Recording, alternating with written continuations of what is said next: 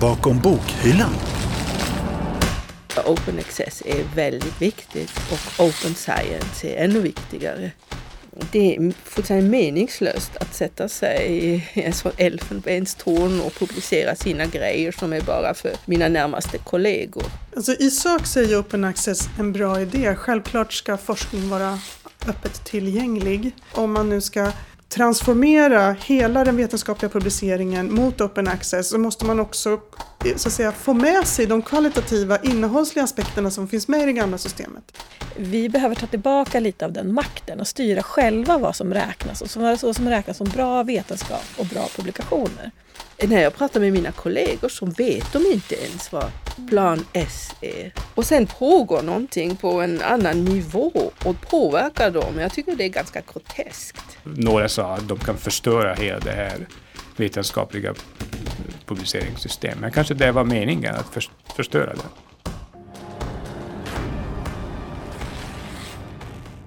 I det här sjunde avsnittet av Stockholms universitetsbiblioteks podd Bakom bokhyllan ska vi gå in lite närmare på Open Access, öppen tillgång, som är en del av Open Science eller öppen vetenskap. Det här är den andra delen i vår serie om öppen vetenskap. I den första delen, avsnitt 5 av Bakom bokhyllan, reder vi bland annat ut alla begrepp som finns inom paraplyet för öppen vetenskap.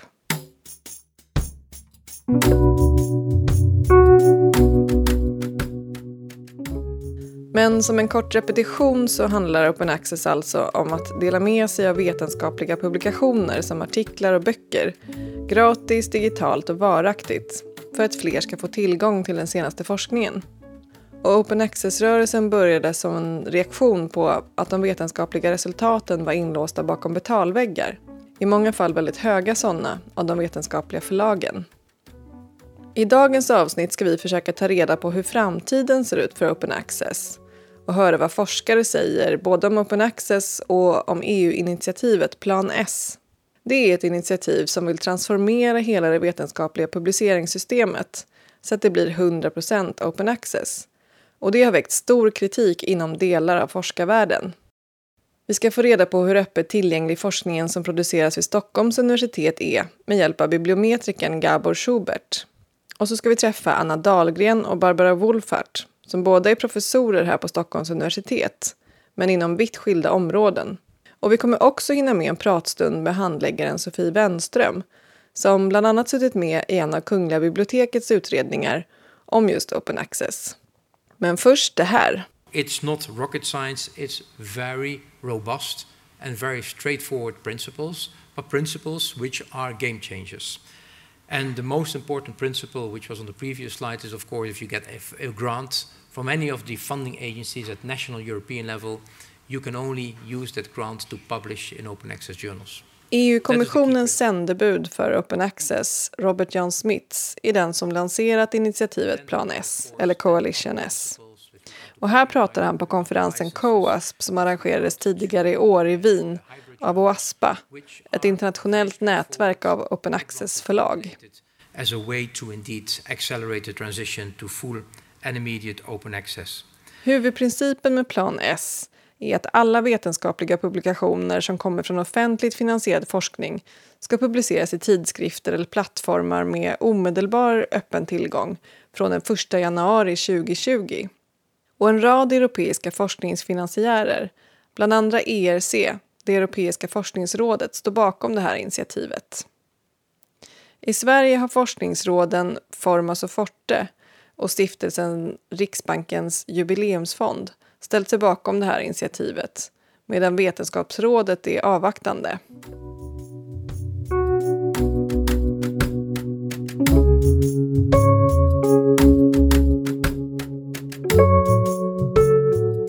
Open access betyder att någonting är gratis tillgängligt på internet framför allt.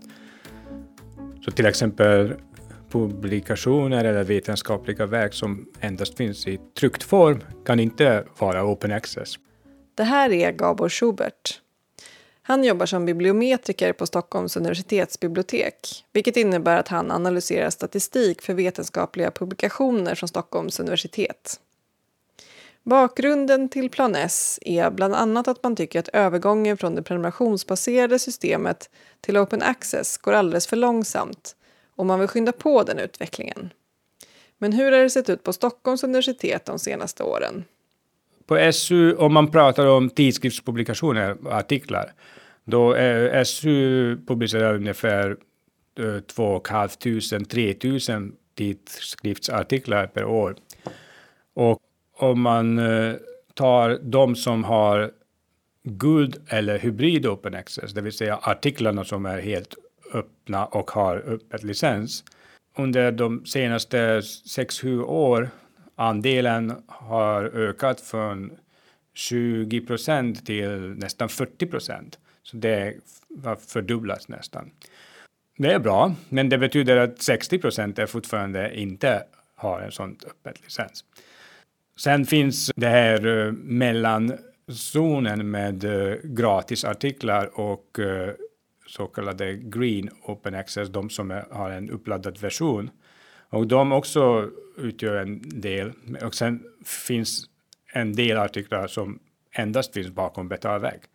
Och det som är intressant att den delen som finns endast bakom betalväggen, den har inte sjunkit så mycket som det här ökandet av eh, helt öppna artiklar. Så de ligger fortfarande runt 40 procent de senaste fyra år och den sjunker inte riktigt den andelen. Och det beror på många faktorer säkert, och bland annat att förlagen släpper gratisartiklar efter en viss uh, karantänstid eller embargotid. Så de nya artiklar blir alltid riktigt gratis, även om de är inte öppna, men de blir inte ens gratis inom första ett, två år. Så det också gör att än så länge finns en hel del som är bakom Betalväg och, och stängda. Plan S vill ju att all offentligt finansierad forskning ska publiceras med omedelbar öppen tillgång till år 2020 och den snabba tidsramen har väckt kritik inom forskarvärlden. Idag endast 15 procent av vetenskapliga tidskrifter eh, är definierade som god och Så det är egentligen ganska få kanaler som uppfyller det här kravet.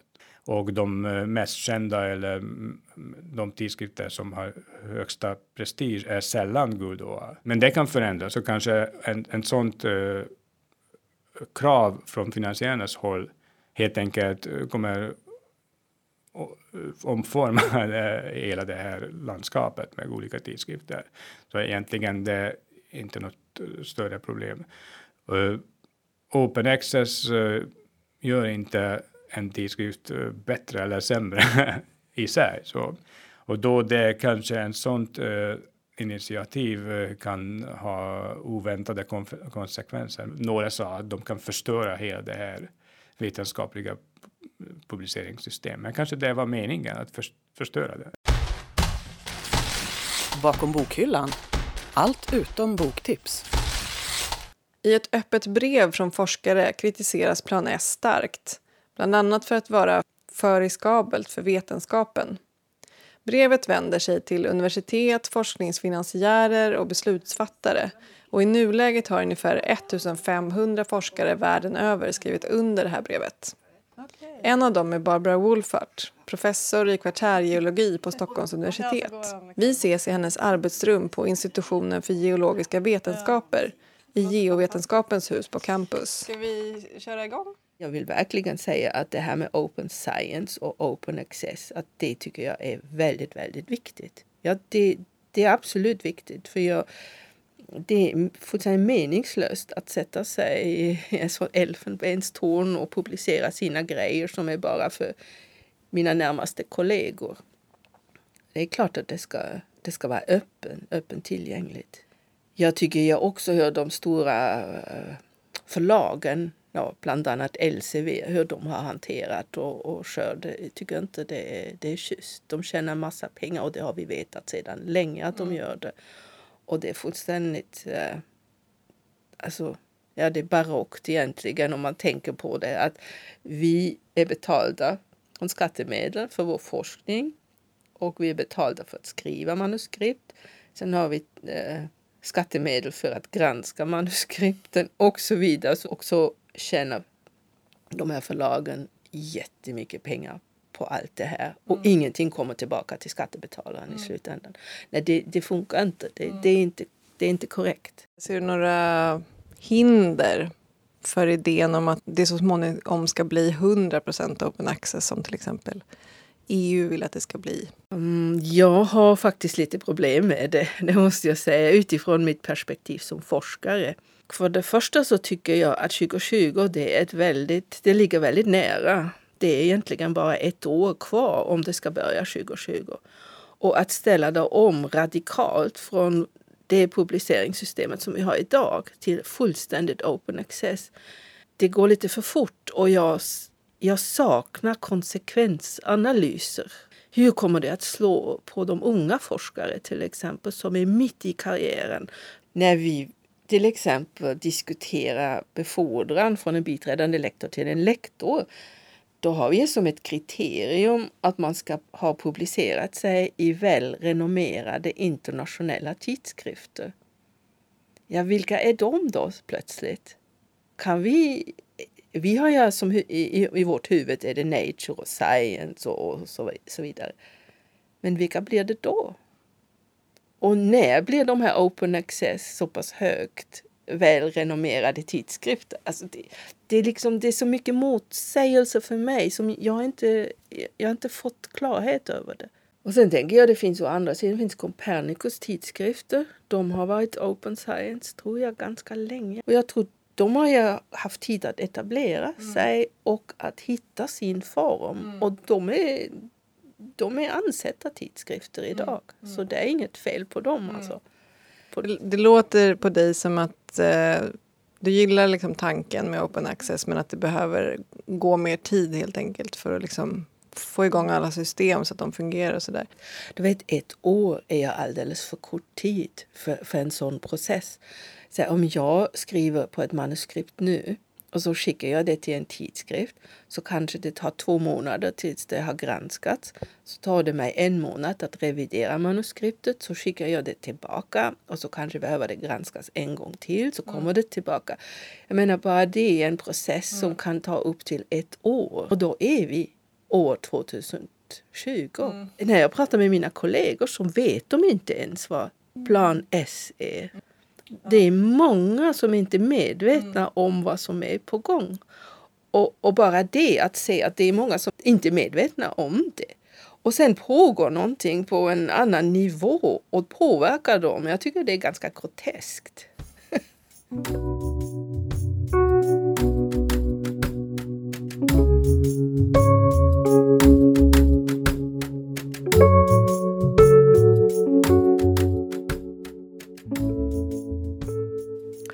Men det som jag har funderat över, och det är lite, säg om vi ställer om radikalt, plan S 2020.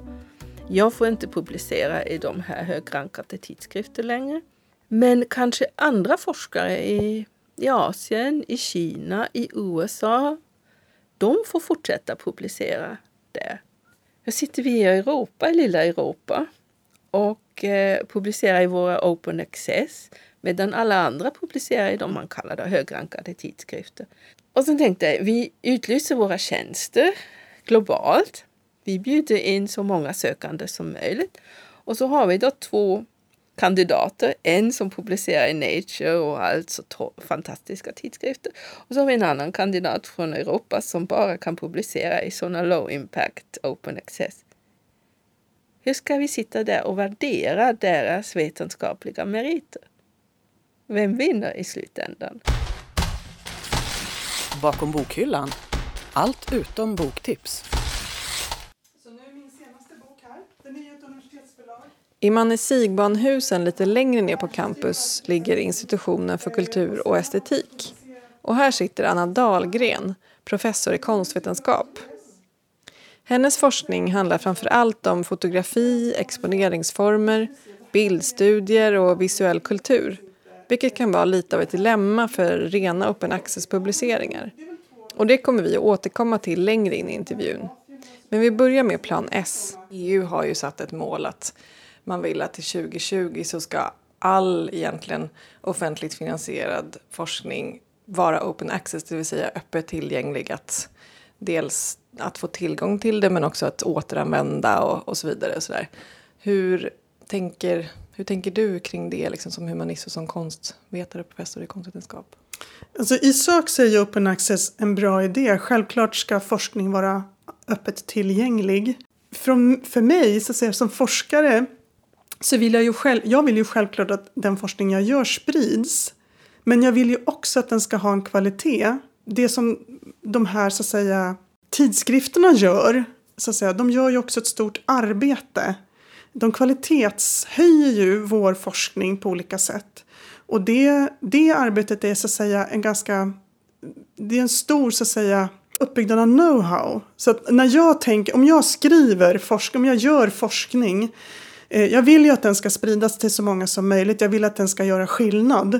Eh, och sen så, så, så handlar det om att välja fora då lite grann utifrån var jag får den effekten. Och för min del så innebär det att, att gå till exempel till ett högt renommerat förlag som tar väldigt höga priser för sina böcker då, eller publikationer. Eh, det är ju inte egentligen någonting som... Det viktiga för mig är ju kvaliteten i första hand. Och jag kan känna att, så att säga, problemet att lösa hur de här så att säga, transaktionerna då mellan prenumerationskostnader och tillgång och så vidare, det måste så att säga lösas på andra ställen än hos den enskilda forskaren. Jag måste ju gå på kvalitet. Förlagen tar ut enorma summor för att man ska prenumerera på de här tidskrifterna som man måste komma åt för att kunna liksom fortsätta forska inom samma fält. Och då är det liksom till viss del då forskare från ens egna universitet som har bidragit med den här forskningen och artiklarna helt gratis. Sen är det andra forskare som sitter och är redaktörer eller peer-reviewar de här artiklarna Eh, också gratis utan liksom ersättning och sen så köper man tillbaka liksom artiklarna som då ens egen, i vissa fall egna forskare har skrivit. Mm. Och det är väl det som är liksom tanken att man vill förändra. Hur ställer du dig till, mm. till hela den liksom idén om att tillgängliggöra forskning? Ja, men det, alltså jag, jag uppfattar att det självklart är det så att det finns ju så att säga det finns människor som tjänar pengar på så att säga, gratisarbete kan man väl säga då från forskare.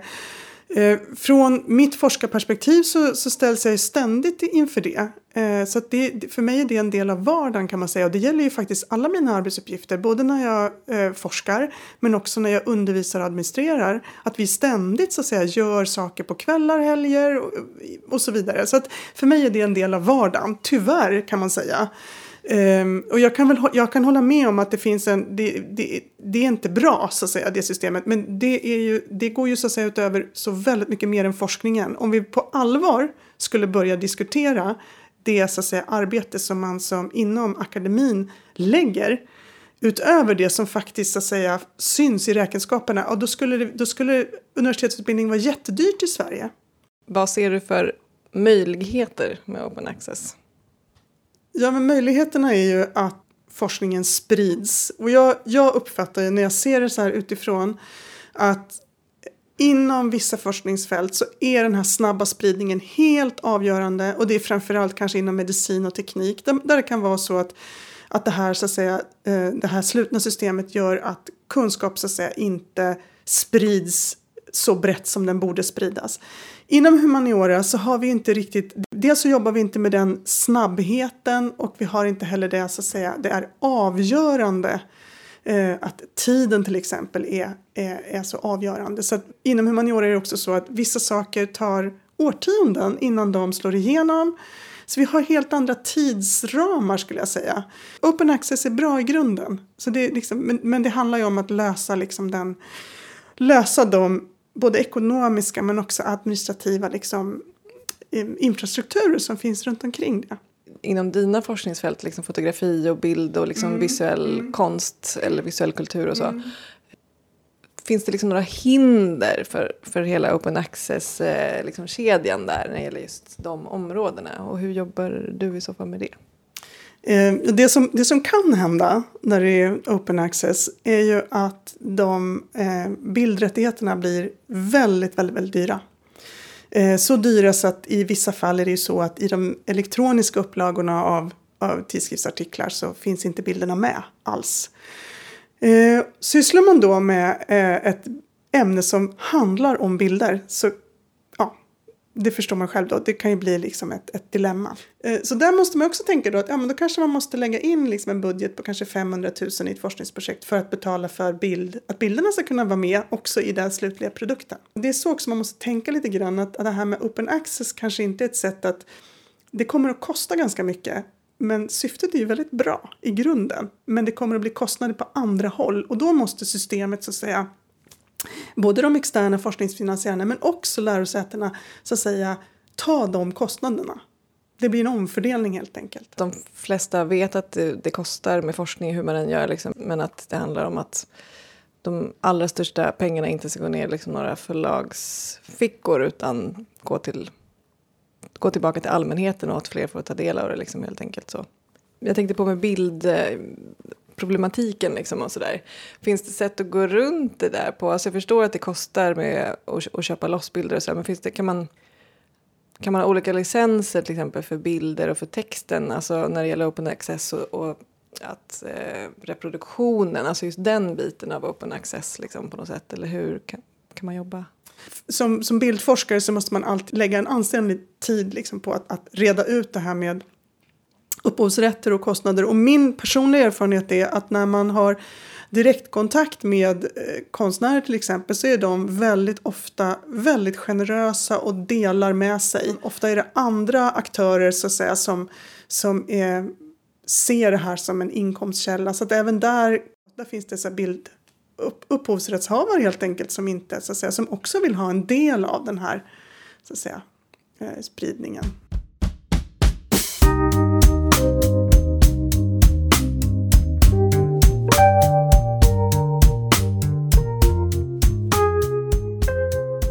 Kritiken mot Plan S som framförts både av forskare i den offentliga debatten och även från professorerna Barbara Wolfart och Anna Dahlgren här i podden ser ut att kunna kokas ner till några större områden som jag tar med mig till Sofie Wenström, handläggare på Stockholms universitetsbibliotek och som jobbat länge med publiceringsfrågor. Hon sitter även med i en av Kungliga bibliotekets utredningar om open access där även forskare, bibliotek och finansiärer finns representerade. I Sverige har vi ändå inget mandat för open access. För Vi tyckte inte att vi hade tillräckligt med underlag för att besluta om det än. Så Kungliga biblioteket fick i uppdrag av regeringen att utreda hur vi ska göra om vi ska gå över till ett öppet tillgängligt publiceringssamhälle. Och de här utredningarna har också funnits öppet tillgängliga för att granska utkast. Eh, så vi har fått väldigt bra kommentarer både från forskarhåll och från finansiärshåll om saker som vi behöver plocka upp i utredningen och förklara. För det märker vi att det saknas en hel del kunskap om vad som kommer hända när vi går över till ett öppet tillgängligt publiceringslandskap.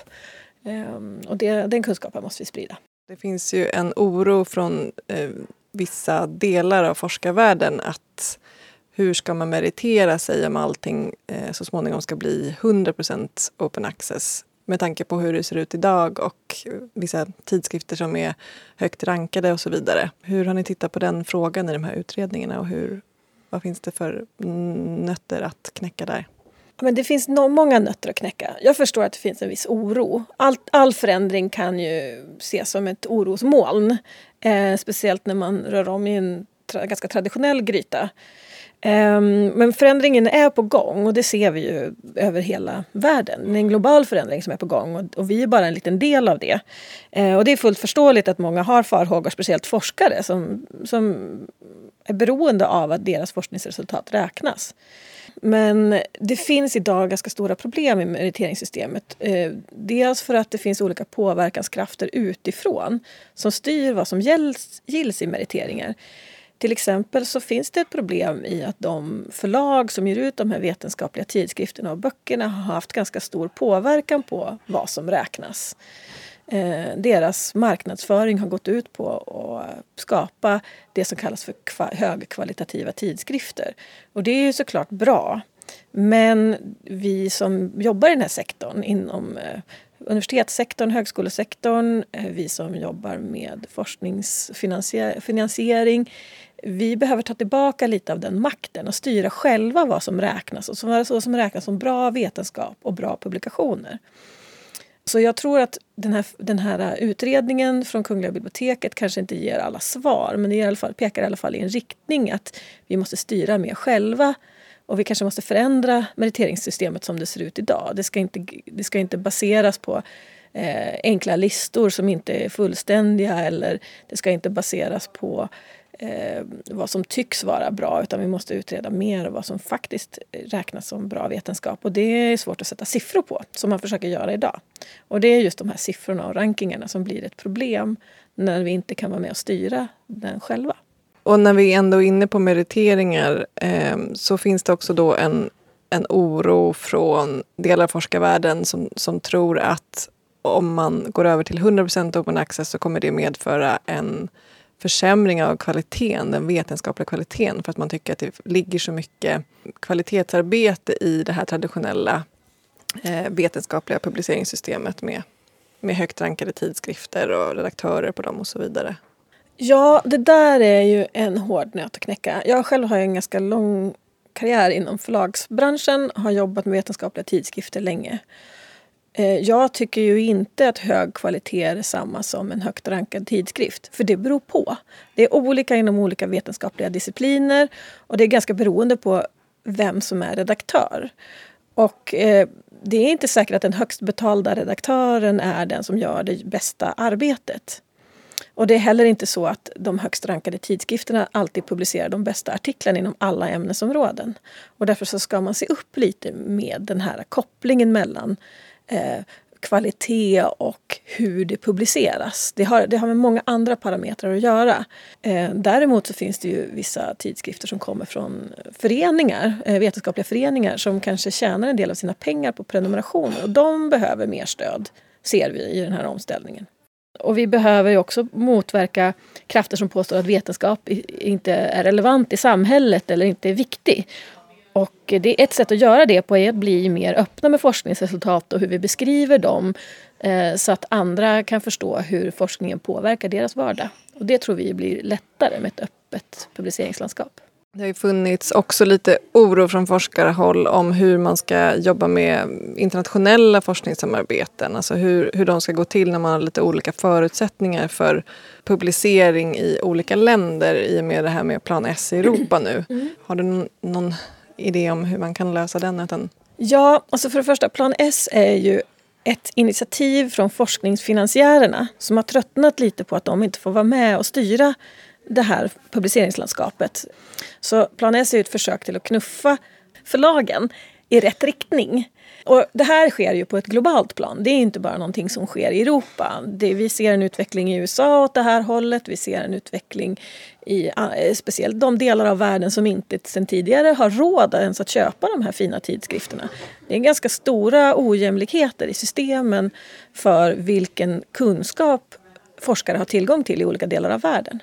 Det internationella samarbetet är ju beroende av det här, att den här förändringen sker. Så att vi får lika tillgång till information.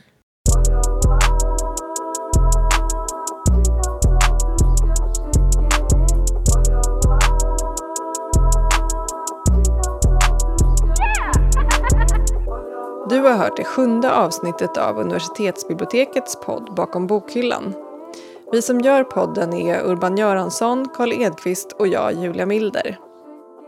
Den här serien om öppen forskning kommer att fortsätta längre fram. Och då ska vi dyka ner i Stockholms universitets eget open access-förlag. Och så ska vi höra vad några unga forskare säger om de förändringar som pågår. Och nästa avsnitt av podden som kommer den 18 december blir en julspecial deluxe. Missa inte det! Vill du kontakta oss eller få mer information Gå in på universitetsbibliotekets webb, su.se biblioteket bakom bokhyllan. Signaturen som vi använder är hämtad ur stycket i Zeitung komponerad av tonsättaren Stefan Levin. Och musiken som du hörde i det här avsnittet är licensierad under Creative Commons. Alla våra låtlistor hittar du på vår webbplats.